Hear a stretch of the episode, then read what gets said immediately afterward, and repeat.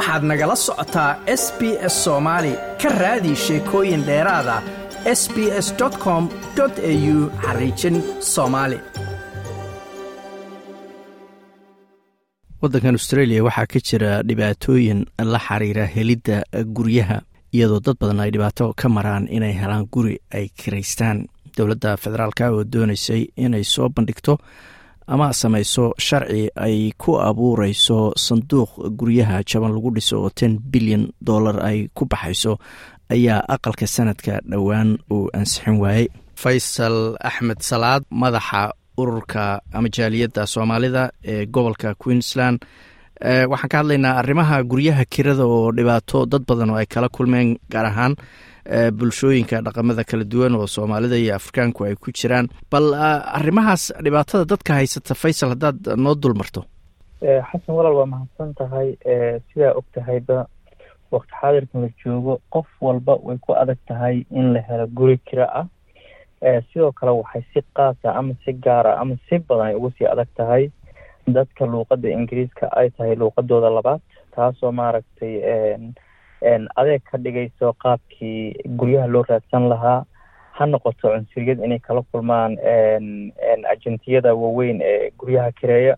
Marka aad bay maaragtay bulshada ugu dhibaatoonaya waqtixadirkan la joogo si loo helo guri ay ku noolaadaan.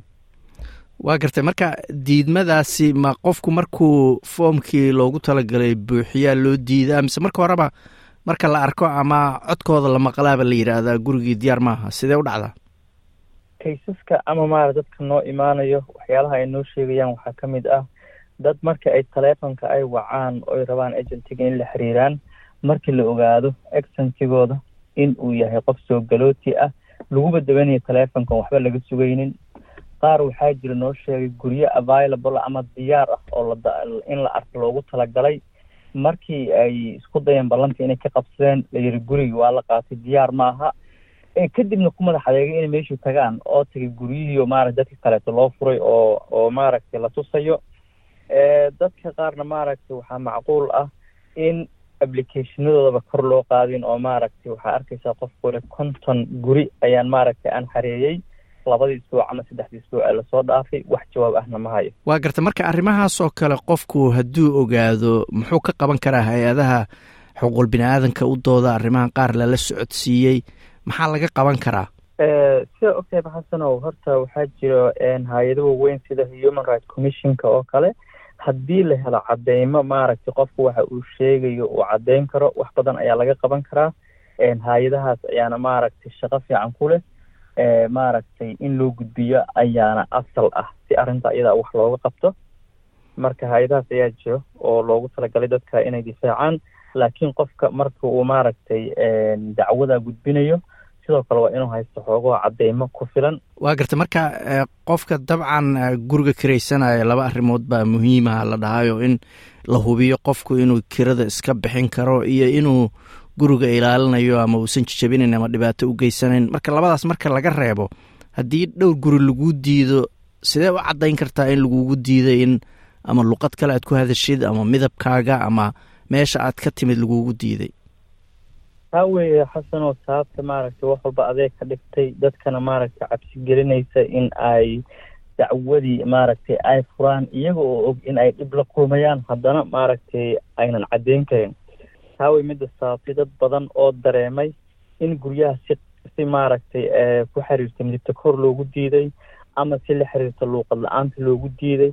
Haddana aanan haysan karin ama aan heli karin caddayn ay ku dacwoodaan taa weye midda keentay waana mid adag laakiin qofka waxaa fiican marka uu hadlayo in uu email uu qoro. Inta badan emailka jawaabaha loogu soo jawaabayana maaragtay si uu u caddeeyo haddii uu ka helo wax reer falaag ah ama wax qalad ah. Waa garta dowladda oo kale wax ma ka qaban kartaa? Midda gobol ama tan federaalka masi jiraan guryo dowladeed oo haddii guryihii privateka caadiga dadka laga karayn waayo laga yaabo dowladdu inay ka karayso? Ha guryo badan oo maaragtay dowladda ay leeyihiin ayaa jiro laakiin xaaladda hadda tan jirta awgeed guryaha waxaa la sugayaa wakti badan. Dadka qaar waxay noo sheegaan in ay maaragtay sugitaanka guryaha dowladda ay ku jireen afar sano. Qaar baa leh labada kun iyo afar iyo tobanka ilaa hadda ayaan sugahaynaa marka waxay ku xirantay qofka maaragtay dakliga soo gala inta uu la egyahay baahida uu qabo maaragtay badnaanshadeeda iyo iyo maaragtay xaaladda familka marka iyada ah in maamo maaragtay ilmo korsanayso dakligeeda aada u yaryahay ama xaaladaha noocaas ayaa loo qiimeeyaa. Taana mararka qaar waxay qaataa waqti badan. Waa garta soomaalidoo kale waxaan is leeyahay gaar ahaan qoysasku caruuro badan bay leeyihiin mararka qaarkood dadka guryaha kareeya badanaa ma jecla qoys carruur badan leh taasu ma laga yaabaa caqabad inay ku noqoto matalan qoysaska soomaalida oo kale ama afrikaanka kaleba xasano marka aad fiirisid caqabadaha ugu weyn ee communitygeena soomaalida haysta inta badan waxaa weeye carruurta. Markii la arka familka maasha allah dadkeena carruur badan ayaan haysanaa markii la arka caruurtii iyo gurigii oo maaragta saddex qol ama afar qol ah dee qofka gurigale wuxuu leeyahay gurig waa lagaa jijibin intaanu ruux haddii uu galo. Marka taalantirkeeda waa caqabad weyn oo maaragtay ku adag. Iyo guryihii waddankan guud ahaan oo iyaga naftirkoodaba loo qorsheynin inay degaan qoysas badan. Guri saddex qol waxaa loogu talagalay saddex qol saddex ruux guriga afarta ahaana waxaa loogu talagalay afar ruux laakiin marka aad rabtid inaad karaysatid guri saddex qol ah taana ay tahay inta lacagta ay kuu awoodo. Kadibna aada haysatid carruur toddoba ama sideed ah sidii la isku qabadsiin lahay waa adkaanaysaa. Marka taa ayaa maaragtay inta badan soomaalida sidoo kale culays ku keento. Waa garta hadda maxaad ku dhihi lahayd qoysaska raba matalan inay guri karaystaan oo laga yaabo in loo diido ama ay waayaan oo kale maxaad ka barateen hadda arrimahan ama cabashooyinkan jaaliyadaha in kaga yimid iyo hadaladii ama warbixinihii ka soo baxay hay'adaha xuquuqul bini-aadanka oo kale. Maxaad kula talin lahaydeen qoysaska ama raba inay guriga karaystaan amaaba loo diiday in guryaha qaar laga kareeyo qoysaska waxaan leenahay midda koowaad horta waa inaan ogaano waktiga maanta lagu jiro inuu yahay wakti adag. Dhinac walba marka aad fiirisid guryaha aada bay maaragtay qaali u yihiin. Wadankii dhan waxaa ka jira maaragtay inflation ama lacagtii kor ayay ukacday shay kasta qiimihiisa kor ayuu ukacay guryihii sidoo kale kor ayay ukaceen marka dad badan ayaa guryaha raadsanaya ko waa inaad ogaatid guriga qofka raadsanaya inaad kaliga aadan ahayn oo dad badan kulu raadsanayaan. Taa micnaheeda waa inaadan ka niijabin inaad guriga aada raadsatid oo maaragtay aada ogaatid maanta haddii aadan helin beri inaad heli doontid sidoo kale waxaan kula talinaynaa inay u yimaadaan qof maaragtay hadduu yahay qofka qofaan luuqad aqaanin inuu helo qof ama communitiga ka tirsan ama familka ah oo luuqadii yaqaano oo applicationada ka caawiyo. Dadka qaar markaad la sheekaysa waxay kuleeyihiin toddobaatan application ama toddobaatan codsi markaan diri kadib ayaan helay. Marka waa inaan ogaano marxaladda aan ku jirno inay guud ahaan dadka oo dhan ay ku adag tahay khaasatanna annaga aada noogu sii adag tahay dadka soo galootiga ah maaragtay ingiliiska luuqada labaad ay u tahay. Waa gartay faysalow inkastoo su'aashan u dambeysa aysan mawduuca aanu ka hadlaynay aysan ahayn kowda julaay baa nagu soo aadan. Waa markii soomaaliya ay xorriyadda qaadatay gobolladii waqooyi koonfurtuna ay isku biireen. Waxaan ogahay aan dhehe inaad xaflad weyn ka dhigaysaan brisbane bal xafladdaas iyo dad ka soo qeybgalaya iyo guud ahaan haddaad nooga waranto tan kale arrimaha soomaaliya ka socdo maaqansaad ula socoto lakiin waxaan is leeyahay dad badan soomaaliya waxyaalaha ka soo muuqda hadda wax fiican maaha dagaalo colaado qabyaaladiio sii badanaysa dhibaatooyin badan baa dalkii ka taagan. Taasi xoogaa dhiiragelintii aad u qabteen barnaamijyada noocaas kale inaad samaysaan ma ka yaraynaysaa ama ma la socotaa dhibaatooyinkaas waddanka ka jira. Waxaan qabanqaabin haynaa xalfad weyn oo loogu talagalay xorriyadda soomaaliya maadaama sanadkan maaragtay ciiddi iyo soomaaliya independence dayda a maalinta xorriyadda isku soo dhawaadeen jaaliyadda waxay go'aansatay in somali independence day ama maalinta xorriyadda iyo ciidda xalfadeeda labadaba la isku daro oo maaragtay halkaa la isugu yimaado.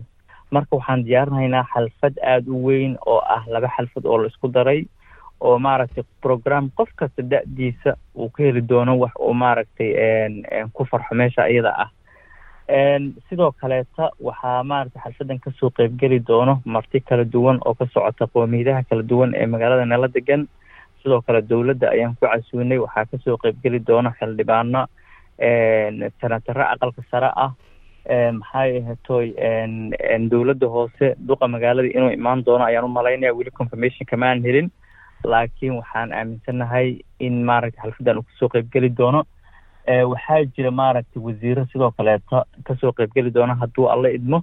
Marka xalfadan walaal waa xalfad ballaaran. Sidoo kale isla maalinta iyada ah magaalada brisbane guud ahaan ayaa nala dabaaldegaysa meelaha waaweyn sida story bridge victoria bridge iyo magaalada maaragtay meelaha viewgale intaba calanka soomaaliya oo kalar ah ayaa laga shidi doonaa habeenkaas iyada oon loogu shidayo arrinta somali independence day dhibaatada soomaaliya ka jirta walaal qof kasta oo soomaali ah maanta wadanka meel kasta xabadda ka dhici haysa niyjab weyn ayay ku tahay waana ka xunnahay laakiin nolosha waa inay socoto waa in maxay ahayd tooy waktigan adag si looga bixi lahaa looga fikiro laakiin jaaliid ahaan halkan dadka jooga maalinta xorriyadda sideeda ayay u dhacaysaa.